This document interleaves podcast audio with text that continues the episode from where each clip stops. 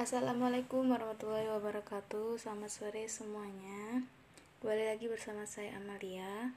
Pada sore hari ini Saya akan memaparkan beberapa pertanyaan Dan sekaligus menjawab uh, solusi untuk menjawab pertanyaan tersebut.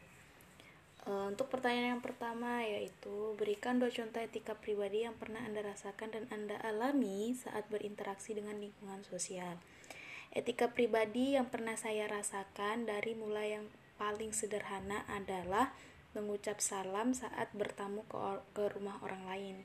Itu merupakan etika yang seharusnya mudah untuk dilupa dikerjakan, tapi banyak sering dilupakan oleh banyak orang.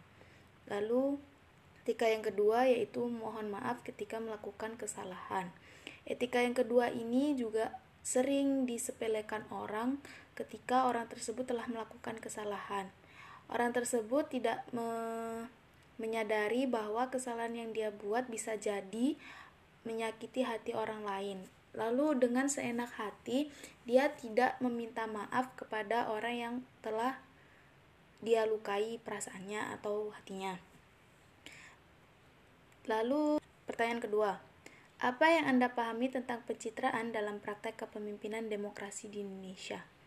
Nah, pencitraan dalam dunia politik atau dalam demokrasi kepemimpinan di Indonesia e, itu merupakan salah satu cara komunikasi yang dapat dilakukan para pemimpin untuk menentukan sukses atau tidaknya visi misi yang mereka miliki.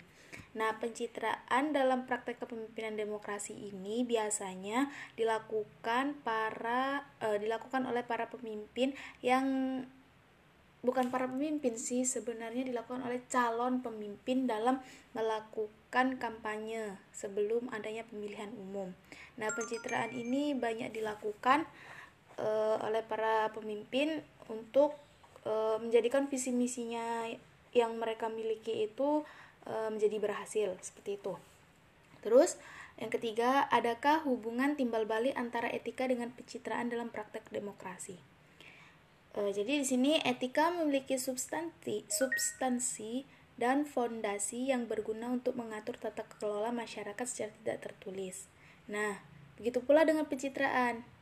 Jika pencitraan dilakukan dengan sisi positif dan tidak berbau negatif, maka korelasi antara etika dan pencitraan akan berjalan selaras dengan baik, sehingga tidak menimbulkan perpecahan atau pandangan buruk terhadap pemimpin yang ada di Indonesia. Soal keempat, mengapa fenomena tuduhan pencitraan kerap menempel pada seorang pemimpin? Karena sejatinya pemimpin membutuhkan pencitraan sebagai bahan untuk mengkritisi atau mengintrospeksi diri mereka masing-masing. Dan jika memungkinkan, dengan tetap menjaga citra diri mereka, pemimpin tersebut layak untuk didukung program-program kerjanya dan bisa jadi akan menaikkan eks elektabilitasnya untuk periodis periodisasi masa kepemimpinan yang akan datang, serta untuk mempromosikan diri menjadi pemimpin pada level yang lebih tinggi.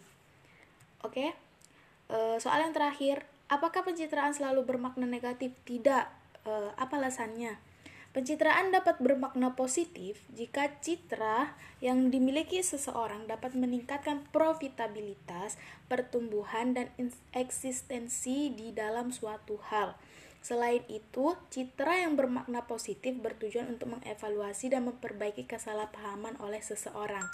Jadi, tidak tidak melulu pencitraan itu bermakna negatif. Pencitraan dapat ber, dapat juga bermakna negatif eh, positif jika pencitraan tersebut dapat dikelola dengan baik oleh si orang tersebut. Oke, jadi itu e, beberapa pertanyaan yang muncul dalam dalam bab peretikan atau per, pe, pencitraan dalam demokrasi kepemimpinan di Indonesia. E, jangan lupa apa tetap saksikan eh bukan saksikan tetap dengarkan podcast podcast podcast saya selanjutnya. Terima kasih apabila ada kesalahan. Saya mohon maaf yang sebesar besarnya wassalamualaikum warahmatullahi wabarakatuh. Selamat sore dan salam sehat semuanya